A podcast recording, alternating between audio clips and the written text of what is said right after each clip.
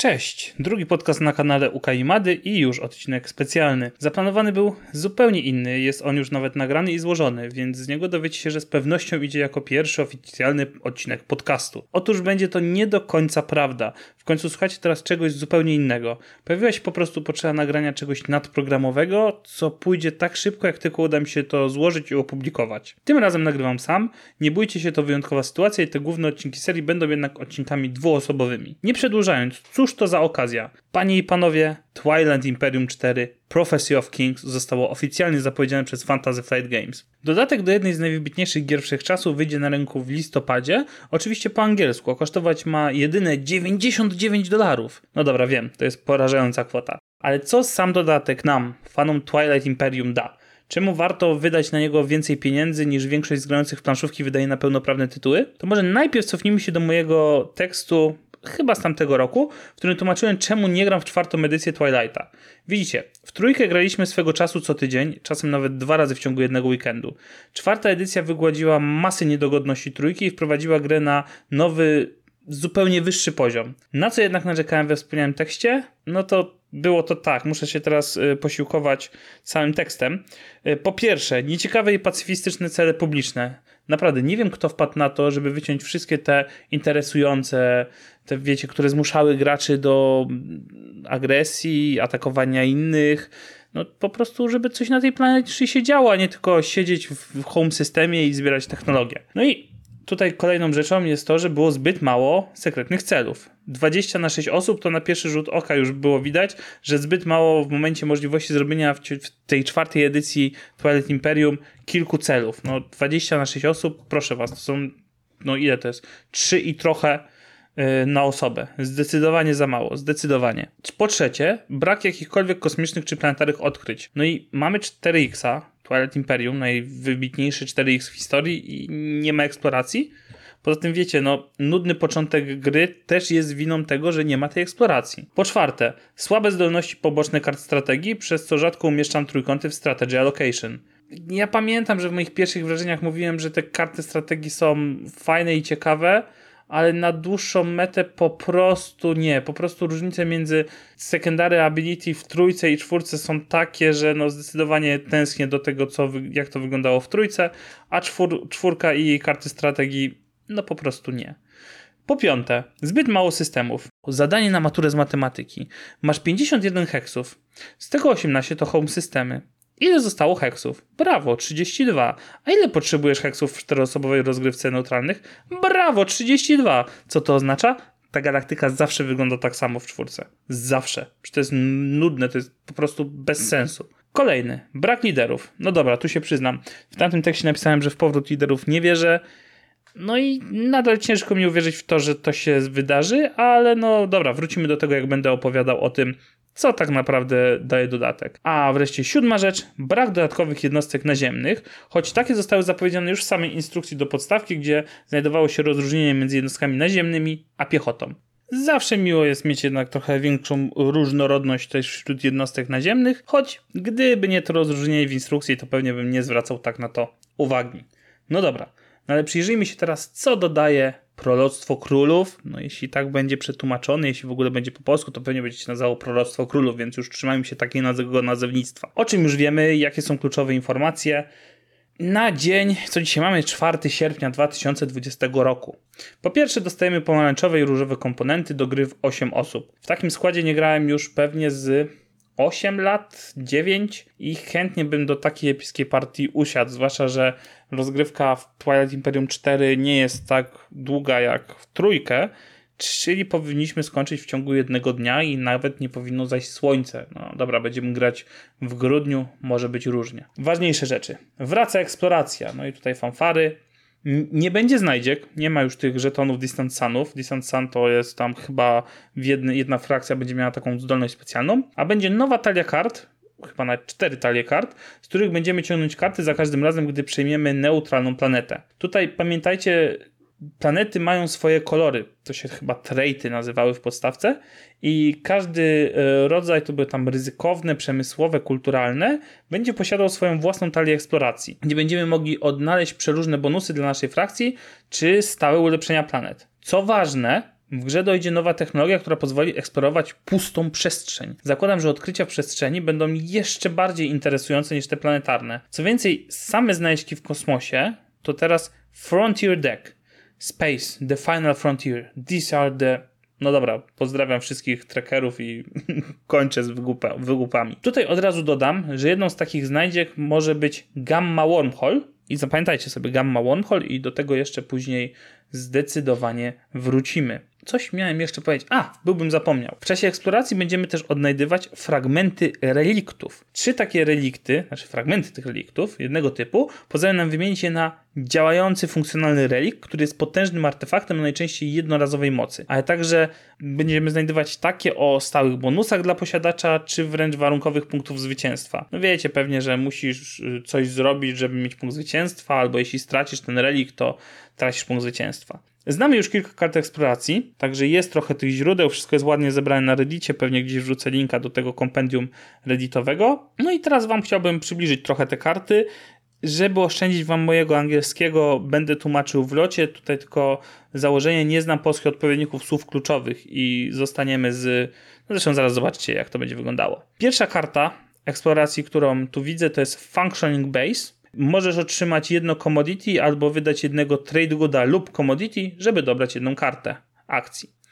Druga karta, Volatile Fuel Source. Jeśli masz przynajmniej jednego mecha na planecie, albo pozbędziesz się jednej piechoty z tej planety, dostań jednego command tokena. Paradise World. Attach to będzie taka nowa mechanika, że ulepszamy planety, dokładając do nich, no właśnie, karty eksploracji. Influence tej planety zostaje zwiększony o 2. Mirage kto grał w trójkę, kojarzy planetę Mirage. Umieść y, planetę Mirage w tym systemie, otrzymujesz kartę planety Mirage i ją przygotowujesz. Następnie odrzuć tę kartę. No i w ten sposób wracają. A, to może za chwilę. Ostatnia, ostatnia karta to jest Ion Storm. Y, umieść tutaj y, w tym systemie Ion Stoma on się zmienia. To Ionstorm działa teraz tak, że jest wormholem alfa albo beta i w zależności od tego, kiedy przez niego przechodzimy, przechodzimy przez alfa, bach, pojawia się beta, nie ma drogi powrotu. Bardzo ciekawa mechanika. Znamy też kilka reliktów i do pierwszy to jest w ogóle kosmos. Stellar Converter. Wybierz jedną planetę, nie, home system, nie w home systemie, nie legendarną planetę, która nie jest Mekatolem Rex, która jest obok jednej lub twojej, jednej z Twoich jednostek, które mają bombardowanie. Zniszcz wszystkie jednostki na tej planecie, zniszcz wszystkie y, ulepszenia tej planety, pozostaw na niej zniszczony żeton zniszczenia planety i zniszcz tą kartę. No także no nie pamiętam teraz, no można uznać, że to jest mała gwiazda śmierci po prostu. Myślę, że tak. Myślę, że ta gwiazda śmierci z tego jak y, została użyta w Rogue One, to to jest Stellar Converter. Kolejna karta relikt, Dominus Orb. Zanim ruszysz swoje jednostki w ramach akcji taktycznie możesz odrzucić tę kartę i transportować jednostki z systemu, który, w którym posiadasz przynajmniej jeden, znaczy w którym posiadasz już swój command token. No, zawsze warto ruszać unexpected action za pomocą reliktu. Super. Shard of the Throne. Otrzymujesz jeden punkt zwycięstwa, kiedy przegrasz, kar, yy, przegrasz walkę, przeciwnik otrzymuje tę kartę i ten punkt zwycięstwa. No, czyli to jest dokładnie to samo co Shard of the Throne, tylko wybierany w fazie agendy, w fazie polityki. W podstawce teraz będzie reliktem. Co mamy dalej? Scepter of M MLPAR. Kiedy wydajesz y, token ze swojego strategii pula, możesz y, egzostować tę kartę i wydać ją y, token z reinforcementa. No, bardzo, bardzo miłe, nie, no ale tak jak mówiłem, no, secondary ability tych kart strategii są takie, że no nie jest to aż taki game changer. Każdy z tych reliktów jest taki, że bardzo chętnie bym sobie za ich pomocą pograł. Przy okazji kart eksploracji wspominałem o Mirage, że jest planetą legendarną. Bo widzicie, w grze znajdują się teraz cztery planety legendarne i z tego co rozumiem będzie można je odkryć w czasie eksploracji pustych sektorów. Te planety to Malis, Primor, Hope Sand i wspomniana Mirage. Każda planeta legendarna daje jednorazowy bonus, raz naturę. W wypadku Mirage jest to wystawienie dwóch nowych myśliwców w dowolnym systemie z własnymi jednostkami. Primor wystawia piechotę, Hope Sand mechy, a Malis będzie ukryte w kwadrancie gamma i będzie nam dawało trade goody. No i tutaj wspomnienia z poprzednich edycji Twilighta, ponieważ pamiętam, że Hobson to jest chyba od, już weszło w dodatkach do jedynki. Już się pojawiła planeta Hobson jako taka bardzo ważna militarna planeta. No i miło, że triumfalny powrót notuje. Jest ciekawostka dla fanów. Hopesend pierwotnie miało być home, w home systemie jednej z nowych ras, ale jednak stwierdzono, że legendarna planeta to brzmi bardziej dumnie. Pamiętacie, jak narzekałem, że nie ma różnorodności w systemach, y, że ta galaktyka jest zawsze ta sama? No chyba Fantasy Flight stwierdził to samo, bo dodatek wprowadzi 40 nowych systemów, z tego 7 jest home systemami, 9 hyperlinkami, które jakoś przydadzą nam się do gry w innym składzie osobowym niż 6 osób, będą tam skracać mapę. Jeden to Supernowa do stworzenia przez mułatów, a kolejny to Nexus i jeszcze wrócimy, obiecuję, i zostają nam 22 systemy. Odejmijmy z tego cztery legendarne, bo nie wiem, czy będzie można z nich losować do, w czasie setupu. No i mamy nie 30 systemów z 32 losowanych w 6-osobowej rozgrywce, a 30 z 48. I to jest prawdziwa, dobra zmiana. No i zobaczmy, co tu mamy, jakie mamy ciekawe systemy. Wraca Abaddon Astrof Loki, przepraszam. I to jest trójplanetarny system, który mógł się zdarzyć, trzy planety w jednym systemie to chyba tylko w podstawce były w home systemach. Teraz znowu neutralny system z trzema planetami, mm, można narąbać tam PDS-ów i mamy taką stację bojową, obronną. Warto zwrócić uwagę na powrót Kormund, czyli planetę w czarnej dziurze, do tego mamy Everre, planetę w Mgławicy, co też już widzieliśmy w dodatkach do trójki. Najciekawiej wygląda dla mnie jednak coś, czego nigdy nie widziałem w Twilightie, czyli system asteroid z wormholem alfa. Wreszcie będzie po co budować te technologie do latania przez asteroidy. A, no tak, rozpędziłem się trochę z tym najciekawiej.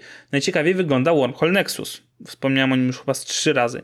Odnaleźć go można tylko znajdując we Frontier Decku Wormhole Gamma. Chyba, że jest się duchami Kreusa, które sobie stworzą portal do Nexusa.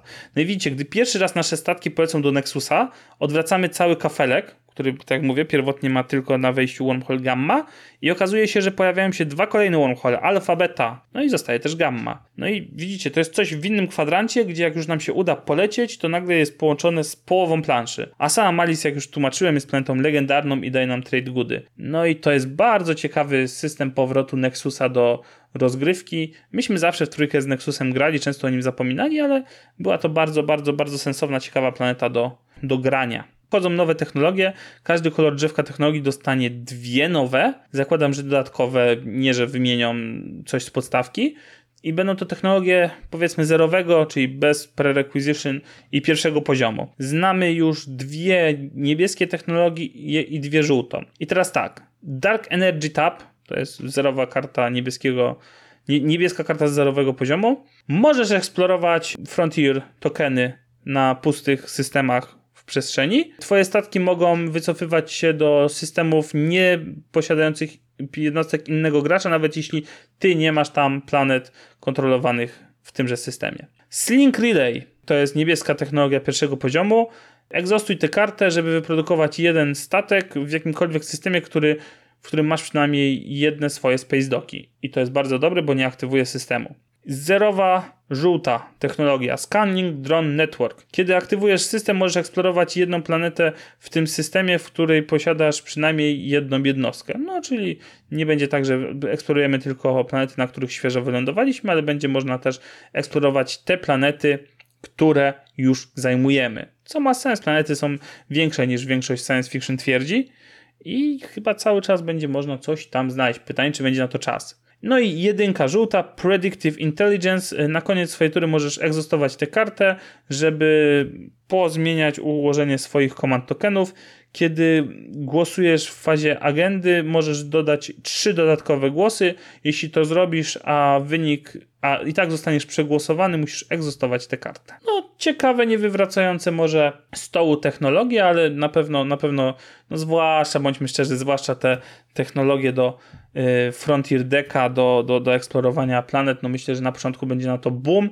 Pytanie, czy jak się przyzwyczajimy do eksploracji, czy nadal tak to będzie wyglądało, czy gracze będą nadal w to iść. Na początku z ciekawości na pewno tak, co będzie później, zobaczymy. Najważniejsza rzecz, wielki triumfalny powrót liderów. I tutaj założenie, oni nie będą tym razem latać z naszymi statkami czy przesiadować na planetach, tak jak to było w trzeciej edycji. Co więcej, na początku będziemy mieli dostęp tylko do jednego z trzech przypisanych do naszej frakcji liderów. Będą to agenci, którzy mają umiejętności wykorzystywane raz na rundę, które wspierają styl gry naszej frakcji. Dowódcy, commanders, odblokowują się po spełnieniu dość prostego warunku i posiadają stałą, pasywną umiejętność również odpowiadającą naszej frakcji. To nie będzie coś, co zmienia nagle, nie wiem, że Federacja Sol nagle nie będzie używać piechoty. Nie no, to właśnie będzie wspierać to te masy piechoty, te transportowce, to o, o to chodzi, o to chodzi w tych e, liderach a bohaterowie pojawiają się w grze po spełnieniu konkretnego ciężkiego warunku, czyli na przykład wykonaj trzy obiektywy, czy tam spełnij swój secret objective i bohaterowie dają jednorazowe akcje, ale są tak bardzo przegięte, że jak przeczytam wam przykłady, no to no po prostu ja jestem nadal w szoku, co na przykład robi bohater Hakanu. Zaraz, zaraz do tego dojdziemy. A, do gry wchodzi jeszcze nowy Promissory Note i jest to sojusz, który pozwala osobie, która dostała od Ciebie tego Promissory Note'a, używać zdolności twojego komandera. No i okej, okay, tylko że ja mam z tym taki problem, że sporo elementów dodatku opiera się na promisory notach, a to jest coś, co nie podobało mi się już w Shards of the Throne, czyli drugim dodatku do trójki i nie grywamy na to nigdy w czwórce. No i chyba będziemy musieli zacząć, ale to zaraz się o tym jeszcze przekonacie. To, z tego się, czego się cieszę, to to, że do gry wchodzą mechy. Każdy gracz będzie mógł wystawić do czterech takich maszyn kroczących. Każda rasa będzie miała swoje unikalne mechy ze specjalnymi zdolnościami. Takie wiecie, lądowe flagshipy.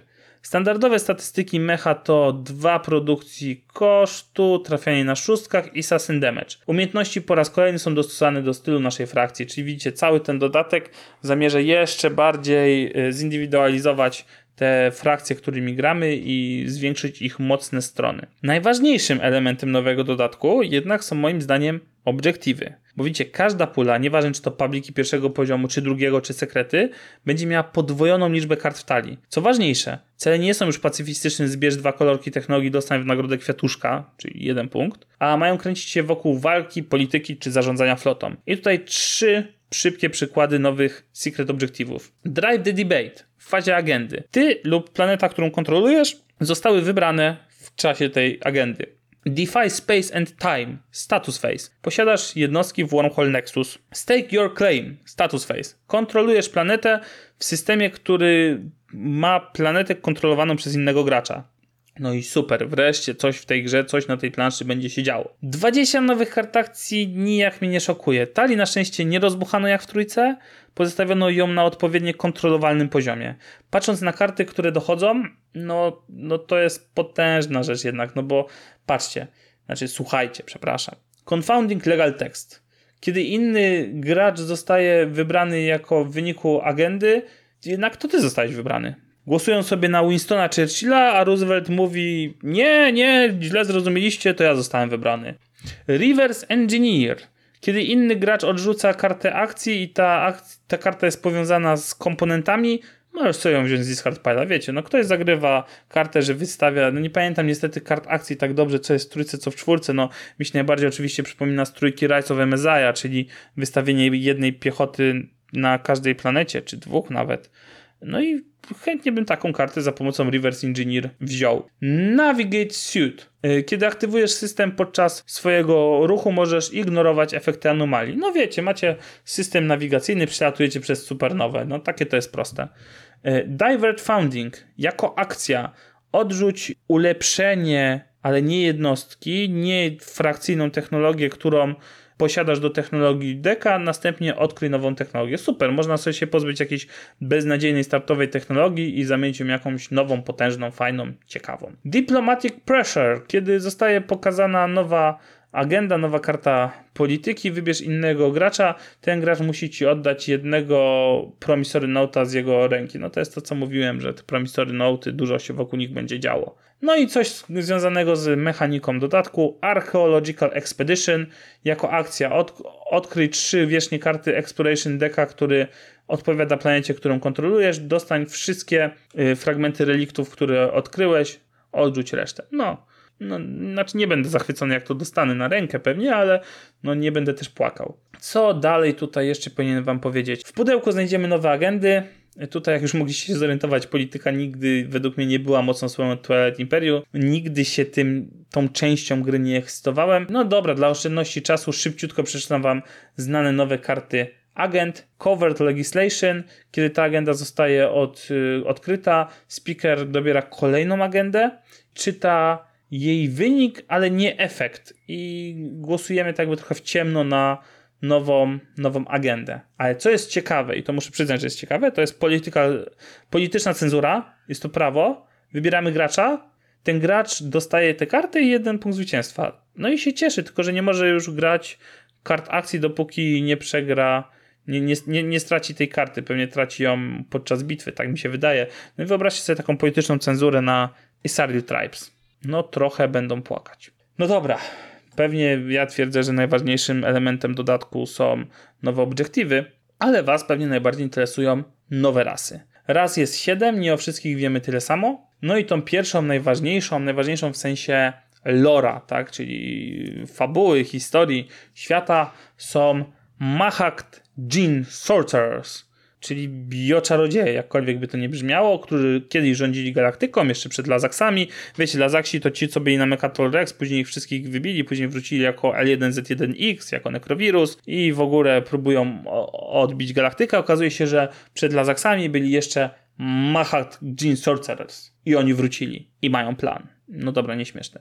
Zniewolili legiony Kreusa, zaprzęgli ich do służby samym sobie i teraz spróbują przywrócić równowagę mocy w galaktyce, czyli panowanie tych swoje mahaktów. Ich home systemem jest X. Jest to pojedyncza planeta, która ma trzy produkcje i pięć wpływów. No i to było ich więzienie i jest bardzo wpływową planetą. Coś, coś dziwnie to z punktu widzenia fabuły działa, no ale pewnie mechanicznie będzie miało sens. No i teraz zdolności specjalne Mahaktów są bardzo ciekawe i byłem w szoku, dopóki nie przeczytałem pozostałych sześciu raz. No i no cóż, no standard, strasznie wszystko jest przegięte w tym dodatku. Mówicie, zdolności specjalne Mahaktów pozwalają na wcielanie trójkątów przeciwnika do swojego fleet poola i używanie dzięki tym trójkątom zdolności komandorów tych ras. Dodatkowo ich flagship daje im plus 2 do walki z przeciwnikiem, którego trójkąta jeszcze w swoim fleet poolu nie mają, a mechy pozwalają oddawać trójkąty w momencie, gdy przeciwnik aktywuje nasz system i tura takiego przeciwnika natychmiast się kończy, bo oddaliśmy mu jego trójkąt. I gdyby manipulacji trójkątami było mało, to agent Mahaktów pozwala zdjąć trójkąt przeciwnika z planszy w celu zapłacenia za secondary ability kart strategii. No więc widzicie, ktoś będzie wam kradł trójkąty i nawet nie będziecie się cieszyć, jak będzie wam je oddawał. No dobra, z punktu widzenia fabularnego Mahakci byli pilnowani przez rasę zwaną Argent Flight. Byli to niewolnicy Mahaktów, którzy po ich obaleniu dostali jedno zadanie. Mieli pilnować, by ci nigdy nie wyrwali się ze swojego więzienia na X i mieli jedną rzecz do zrobienia. Jedną, jedyną i chyba coś im nie wyszło. No cóż, dlatego będą musieli stoczyć wielką wojnę z Mahaktami o panowanie nad galaktyką, bo wiecie, jak strażnik więzienny pozwoli komuś uciec, to od razu startuje na prezydenta. No okej. Okay. System. Trzy planety, takie dość średnie. Umiejętności Argent Flighta. Zil zmusza nas głosować jako pierwszym w fazie agendy, ale mamy plus x głosów na każdą rasę, znaczy na każdą kartę, gdzie x to liczba graczy, czyli gramy w 6 osób plus 6 do każdego oddanego przez nas głosu. Kosmos. Do tego Raid Formation, pozwalający nam używać Anti-Fighter Barrage na sustain damage przeciwnika, jeśli nie posiada on już myśliwców. Co warte podkreślenia, destroyery tej frakcji posiadają capacity 1, to będzie frakcja, która po prostu będzie tak spawnować destroyery, że to jest mała głowa, co to się będzie działo. Flagship blokuje space kanony, mechy nie zajmują miejsca w transporcie. Chciałbym grać. Grałbym. Będę grał. Dinomat. Nomad to pojedyncza persona, która twierdzi, że przybyła z przyszłości w przeszłość, by chronić teraźniejszość. Wiecie, coś w stylu muzykanta według kabaretu Limo. Towarzyszy mu pięciu przybocznych, kupuje sobie armię, bo jest bardzo bogaty i leci obronić galaktykę przed największym zagrożeniem wszechświata. No i śmierdzi to trochę wątkiem kontroli i mamą Michael Burnham, ale dotychczas twórcy TI brali wzorce tylko z dobrych dzieł science fiction, nie ze Star Trek Discovery Michael Burnham Awesomeness, oh my god, jaka ona jest fajna. Przepraszam, musiałem ale jednostki początkowe Nomada. I teraz uwaga, bo się nie przejęzyczę. Flagship, Carrier, 3 fightery, 4 piechoty Space Dog. Tak, zaczyna z flagshipem. Wow. Dodatkowo zaczyna jeszcze na dodatek z technologią Slink Relay, czyli tym kupowaniem jednej jednostki w swoich dokach bez aktywacji systemu. Czyli tak naprawdę możesz sobie jeszcze od razu kupić dodatkową jednostkę i dopiero tym wylatywać z home systemu. No co prawda, dobra, te ich zdolności, zdolności specjalne są mniej wypasione niż w poprzednich przypadkach, bo jedną z nich jest posiadanie pięciu liderów, w tym trzech agentów, a drugą jest przewidywanie wyników głosowania w fazie agendy i jeśli mamy rację, to dostajemy jeden trade good. Flagship Nomada i jego mechy za, mają takie umiejętności, że zawsze są obok siebie, czyli flagship natychmiast może pojawić się tam, gdzie ma mechy. Co więcej, taki mech w kosmosie pozwala używać sustain damage tego mecha w bitwie kosmicznej. Ciekawe. Nie chcę teraz wymieniać wszystkich zdolności pięciu liderów Nomada, więc jakoś szybko przez to bym przeskoczył. Jego agenci pozwalają zbierać więcej trade goodów, przenosić piechotę, anulować wszystkie rzuty w rundzie bitwy. Dowódca wystawia flagship za darmo, jeśli zostanie zniszczony, a bohater pozwala ruszyć się flagshipem i transportowanym przez niego jednostką z pola już przez trójkąt zablokowanego. Kolejna frakcja. The Empyrean. Galaktyczni historycy, którzy chowali się w The Dark. Obserwowali wszechświat, a teraz wychodzą z cienia interweniować z uwagi na powrót Mahaktów. Bardzo mi to The Dark i wygląd frakcji i cały jej opis przypomina opis Cieni z Babylon 5. Czyli zamiast The Dark jedziemy z Zahadum i jesteśmy w domu, ale może chcę widzieć coś, czego tak naprawdę tam nie będzie. No dobrze. Home System The Dark to jest system z mgławicą pojedynczą planetą. Y, jako technologię startową od razu mogą y, eksplorować y, Frontier Decka. Są odporni na efekty mgławicy, mogą pozwalać przelatywać statkom innym graczom przez swoje systemy. Tutaj jedna rzecz, znaczy ja wiem, że ta osoba to nie usłyszy, ale pan ze WFG powiedział na streamie unboxingowym, że jest to pierwszy raz w historii Twilighta, że ktoś pozwala przelatywać jednostkom przez swoje statki. Nieprawda, admirał w trójce pozwalał na to samo. No i ta frakcja posiada jeszcze dwa ciekawe promisory nauty, co jest zdolnością ich frakcyjną, więc no jak widzicie będę musiał grać na promisory nauty. Mroczny Pakt pozwala generować trade goody e, obu stronom paktu, a Pakt Krwi dodawać dodatkowe cztery głosy, jeśli głosuje się tak samo jak Empyrianie. Flagship, flagship z kolei pozwala naprawiać jednostki w systemie, gdzie jest ten flagship lub w systemie obok, po rundzie bitwy, gdzie użyliśmy sustain damage. Miłe. No i uwaga, nas Rukha Alliance. Małpy spotkały pantery i eksplorują planety prowadząc wykopaliska archeologiczne. Serio, ktoś wpadł na coś takiego.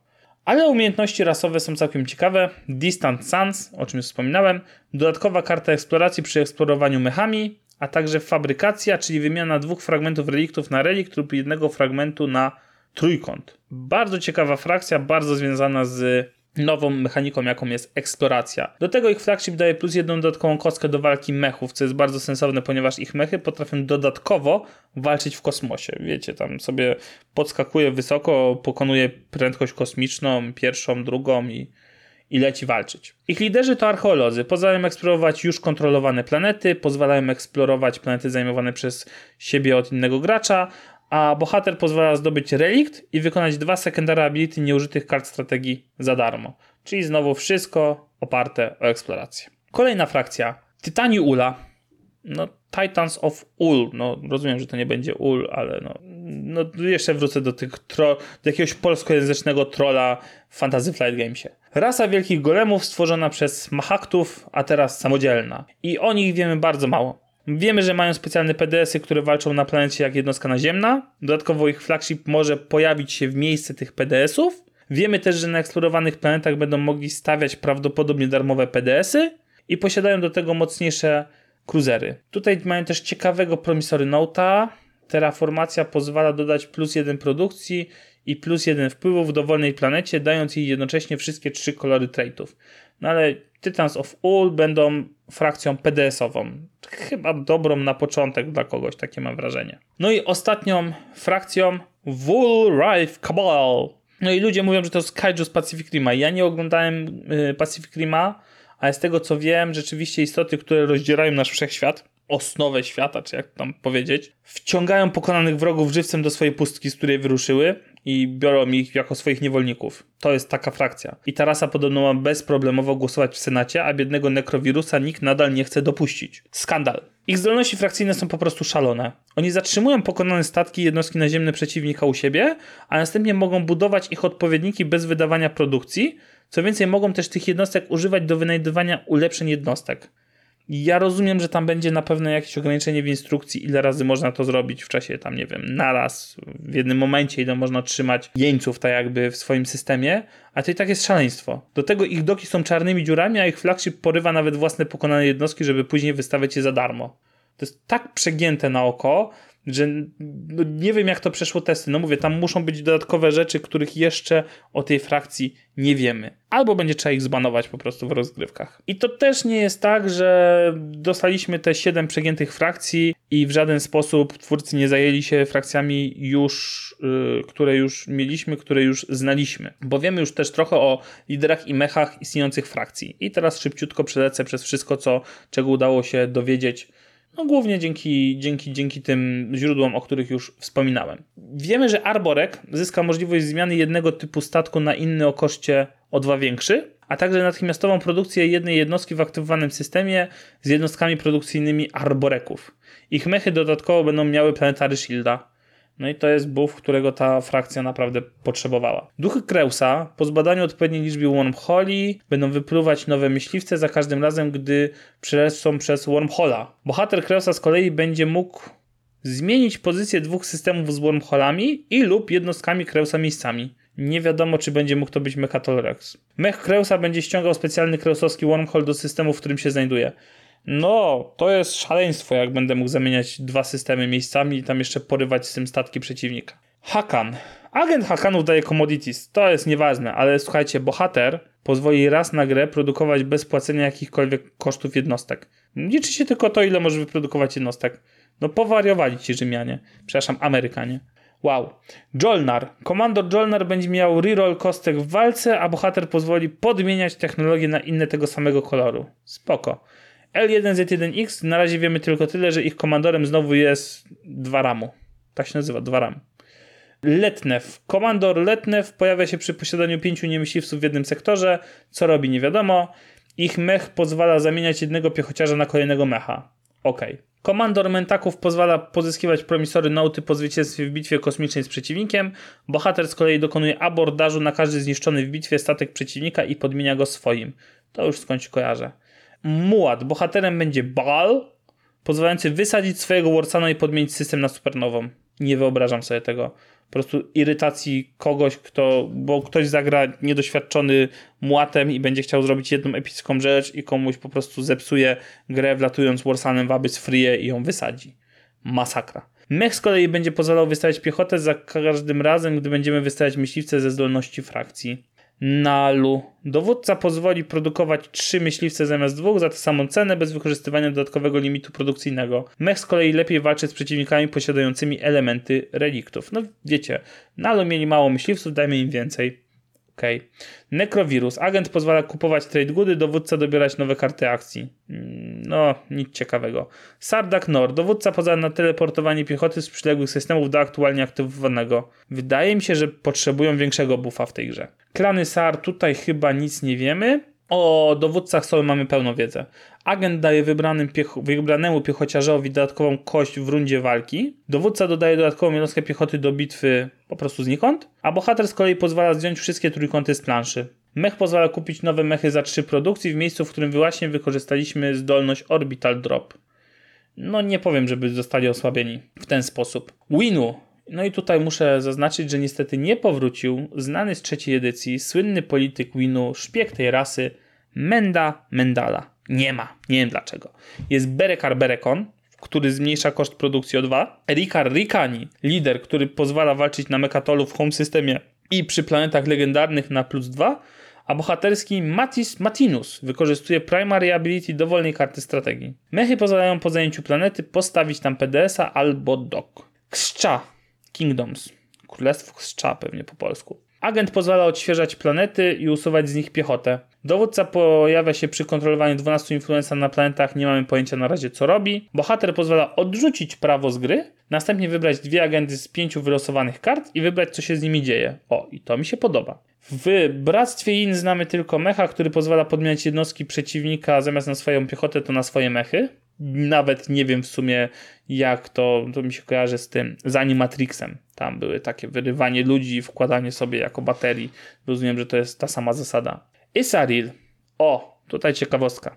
Menda Mendela zniknął, ale pojawił się agent o swojsko brzmiącym nazwisku Sru. No i Sru jest wszystkimi pozostałymi agentami w grze. Wiecie, taki Hans Kloss Twilight Imperium. Stilis, jak kto woli. Po prostu ma wszystkie zdolności agentów, którzy aktualnie są na planszy. Jakby byli słabi, to bym rozumiał.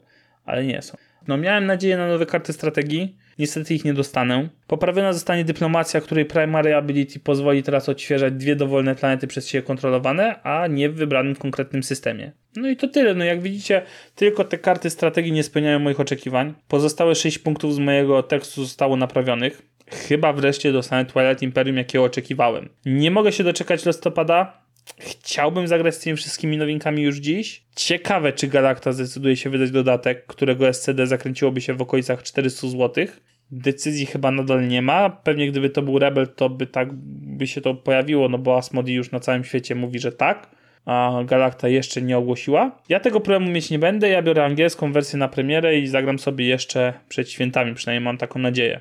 No dobra, to do następnego razu. Tym razem będziemy iść w kolejności nagrywania, czyli pewnie się dowiecie, że słuchacie pierwszego oficjalnego odcinku podcastu Kaimady, a ten pierwszy numerowany właśnie wam minął.